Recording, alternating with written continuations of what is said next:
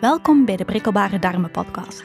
Ik ben Carolien, PDS-diëtiste en ervaringsdeskundige. Met deze podcast probeer ik de eenzaamheid en taboes rond het prikkelbare darmsyndroom te doorbreken. Je bent zeker niet de enige en je hoeft helemaal niet te accepteren dat je voor altijd darmklachten zal ervaren. Ik neem je mee in wat je kan doen en hoe we het leven met PDS verlichten. Welkom! Je hebt ontdekt dat je PDS hebt, maar wat kan je nu doen aan die klachten? Ik hoor het je zo al denken. Je moet niet met medicatie starten of al meteen een uitgebreid eliminatiedieet volgen. Met enkele kleine aanpassingen in je voeding en levensstijl kan je al heel wat darmklachten verlichten. En blijkt dat toch niet voldoende te zijn, dan kan je altijd verder kijken, want er zijn tal van behandelopties voor PDS. Vandaag deel ik graag drie zaken die heel regelmatig over het hoofd gezien worden, maar waarmee je wel inzicht krijgt in wat je darmklachten veroorzaakt of net vermindert. Ik ga dieper in op eetgewoontes, vezels en voedingstriggers. Een van de eetgewoontes waarbij je vast niet meer stilstaat is onbewust eten. Denk maar aan s'morgens iets langer in bed blijven liggen, minder tijd over hebben om te ontbijten, misschien gewoon onderweg in de auto eten, snel snel achter de laptop, scrollend op je gsm, in de zetel of voor tv eten. Voor te eten hebben we niet onze volle aandacht nodig. We kunnen perfect eten en ondertussen iets anders doen. Dat betekent wel dat we heel vaak onbewust eten. We registreren niet echt wat we eten, maar het nadelige daaraan is dat we eigenlijk sneller gaan eten en veel te weinig gaan kauwen. En dat zijn net dingen die er gaan voor zorgen dat je misschien meer darmklachten ervaart. Dus vraag jezelf eens af: eet jij onbewust? Als dat eenmalig is, niet erg. Als dat iets is dat je dagelijks doet, kan je daar heel wat winst mee boeken. We zijn zo in het drukken, we nemen geen tijd om te eten, het is te druk op het werk, we willen wat doorwerken of tijdens de middagpauze als we een thuiswerkdag hebben, gaan we snel snel het huishouden doen. Op heel wat momenten komt dat eten er gewoon bij. Het is geen prioriteit, het is eigenlijk meer een moetje. Als je merkt dat je heel snel eet en dat je er eigenlijk weinig tijd voor vrij maakt, vraag jezelf eens af hoeveel tijd heb je echt nodig om op je gemak rustig te eten. Vaak lijkt dat alsof we daar een half uur voor moeten uittrekken, maar eigenlijk, laten we eerlijk zijn, met max 10 minuten hebben we op het gemak gegeten en hebben meer dan tijd voldoende. Als je ook bewust gaat eten, ga je ook veel beter aanvoelen wanneer je voldaan bent na een maaltijd. Want een andere oorzaak van een opgeblazen gevoel, buikpijn of krampen kan het overeten zijn.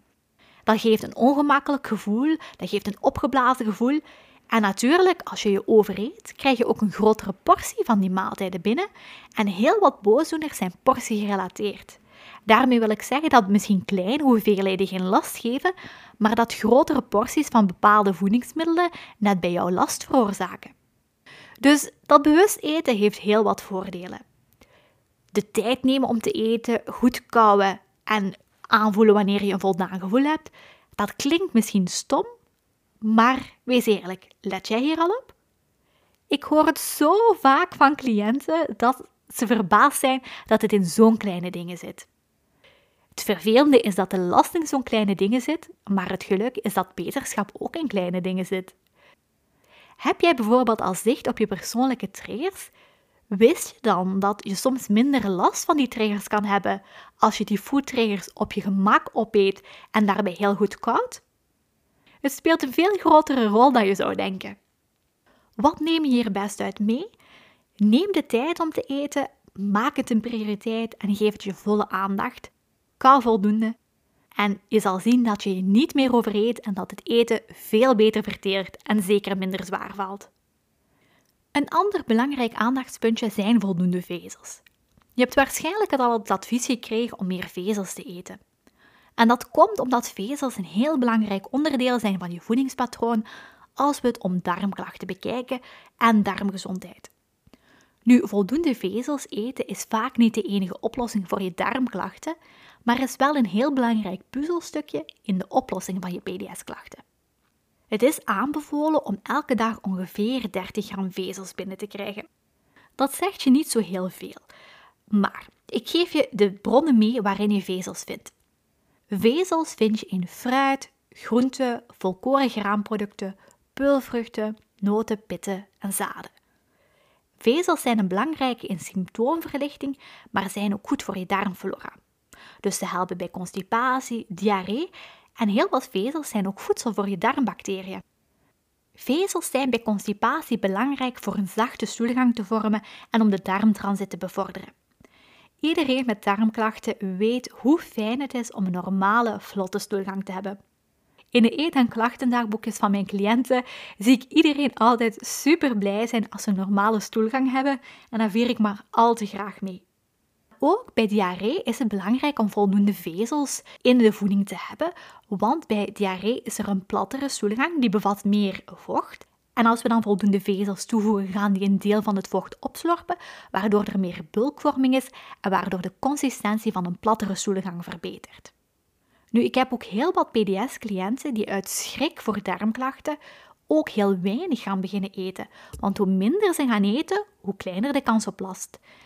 Maar als je minder eet, ga je er ook voor zorgen dat je minder vezels binnenkrijgt. En dat kan dan ook weer een nadelig effect hebben. Dus zorg zeker voor voldoende vezels in je voeding. Nu, ik moet er wel bij vermelden dat het kan zijn dat je meer darmklachten ervaart als je meer vezels gaat eten. En dat komt omdat in heel wat gezonde, vezelrijke voedingsmiddelen er FODMAP zitten. FODMAPs zijn eigenlijk bepaalde koolhydraten die fermenteren, die gaan vergisten in de dikke darm en die vooral bij mensen met PDS darmklachten kunnen veroorzaken. Het is interessanter dat we eerst weten welke triggers je hebt, zodat je nadien kan inzetten op de vezelrijke bronnen die bij jou geen last geven. Dat vezelrijk eten, hoe pak je dat nu praktisch aan? Eet je vooral wit brood, dan kan je dat eens vervangen door volkorenbrood. In volkorenbrood zitten er veel meer vezels dan in wit brood. Je ziet dat ook aan het uitzicht van het brood. Wit is vrij mals, terwijl volkorenbrood zo wat grover aanvoelt. Of als je vooral cornflakes eet, de maïsvlokken die zijn iets vezelarmer, kan je dat eens afwisselen door een vezelrijke, een volkoren variant van ontbijtgranen, zoals havermout, muesli of granola. Zorg ervoor dat je dagelijks een portie groente en een stuk fruit eet. En je kan bijvoorbeeld ook peulvruchten, notenzaden aan je voedingspatroon toevoegen. Peulvruchten zijn bijvoorbeeld kikkererwten, linzen, bonen. En dat kan heel gemakkelijk door die peulvrucht aan een tomatensaus toe te voegen. Bijvoorbeeld je maakt een spaghetti saus en je kan daar linzen aan toevoegen. Of bij je granola kan je daar gemakkelijk pittennoot en zaden aan toevoegen om het vezelgehalte te verhogen. Je hoorde me daarnet al vertellen over voedingstriggers. Er zijn heel wat voedingstriggers die darmklachten kunnen geven. Met voedingstriggers bedoel ik bepaalde voedingsmiddelen die triggeren, die je darm prikkelen en die darmklachten uitlokken. Die boosdoeners zijn heel persoonlijk en verschillen van persoon tot persoon. Vandaag ga ik verder in op drie voedingstriggers die ik regelmatig zie terugkomen, zodat je die alles voor jezelf kan evalueren. Heb je soms buikpijn, een opgeblazen gevoel, krampen of diarree na het eten van brood? Dan zou brood wel eens een boosdoener kunnen zijn. En dan is het vooral de tarwe uit tarwebrood die een trigger kan zijn. De meeste broden die we bij de bakker of in de supermarkt vinden, zijn tarwebroden. Als je daarvan last op merkt, dan kan je je tarwebrood eens vervangen door speldbrood. Bij bepaalde supermarkt en bakkers vind je ook speldbrood. Test het eens uit. Gaat het daarmee beter? Super. Merk je geen verschil, dan moet je dit ook niet blijvend aanpassen en dan kan je terug overschakelen naar tarwebrood. Een andere veel voorkomende voedingstrigger is koffie. Het is een drankje dat bij mensen met constipatie de stoelgang in gang zet, maar het kan ook een veel plattere stoelgang geven. Bij mensen met gevoelige darmen, zeker zij die al last hebben van een platte stoelgang, Daarvoor kan koffie te prikkelend zijn voor de darmen en nog meer plattere stoelen gaan geven. Ervaar je dat niet als last? Geen probleem. Maar merk je dat, dat die platte stoelgang vooral voorvalt op ongemakkelijke momenten of uh, op vervelende tijdstippen, zoals tijdens de koffiepauze op het werk, dan kan je het wel voorkomen, om dan kan je gaan uitzoeken waar jouw tolerantiegrens ligt. Misschien is het dat je te veel koffie drinkt en kan je eens testen of een koffietje minder drinken niet het probleem oplost. Je hoort het hier ook al, het is soms portie gerelateerd. Het is belangrijk dat je voor jezelf ook uitzoekt wat speelt er nu hier een rol in mijn klachten en is dat bij alles wat ik daarvan eet of drink of is dat pas vanaf een bepaalde hoeveelheid? Een andere boosdoener die zo onschuldig lijkt zijn muntjes.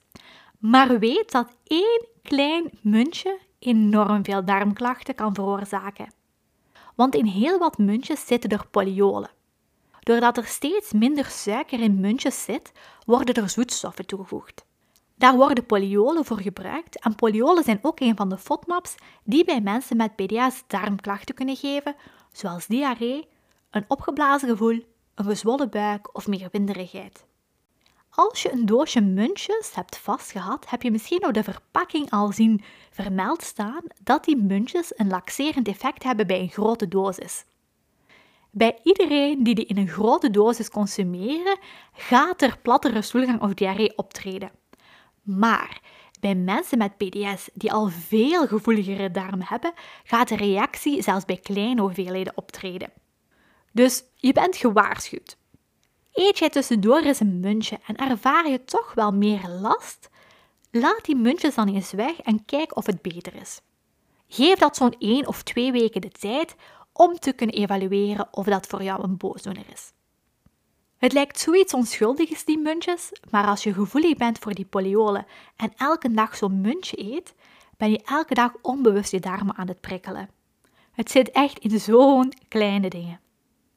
Zo heb ik een cliënt gehad die heel graag koffie dronk, maar niet zo'n fan was van de smaak die in haar mond bleef hangen en ook niet van haar adem die naar koffie bleef ruiken. Dus na elke koffie nam zij een muntje. Maar elke keer dat zij koffie dronk, had ze enorm veel last en moest ze naar het toilet spurten omdat ze telkens een diarreeaanval kreeg. Nu bleek dat bij haar dat zowel de koffie als de muntjes invloed hadden op haar darmen en dat die gewoonte van een muntje te nemen na elke tas koffie voor haar een heel heel groot probleem bleek. Gelukkig hadden we dat snel door en heeft ze dat gemakkelijk kunnen aanpassen.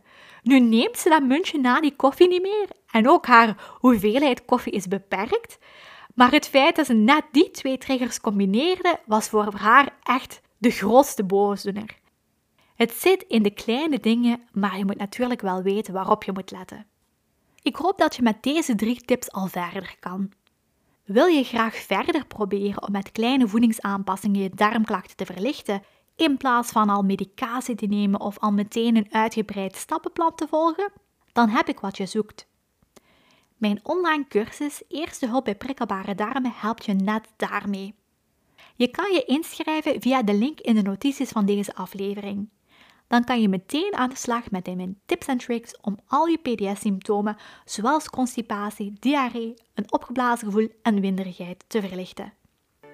Als je al jaren PDS hebt en dagelijks klachten ervaart, zal het niet zo simpel zijn om zo je voedingstriggers te achterhalen. Dan kan een eliminatiedieet zoals het FODMAP-dieet nodig zijn. Wat dat FODMAP-dieet nu precies is, dat vertel ik je in de volgende aflevering. Tot snel!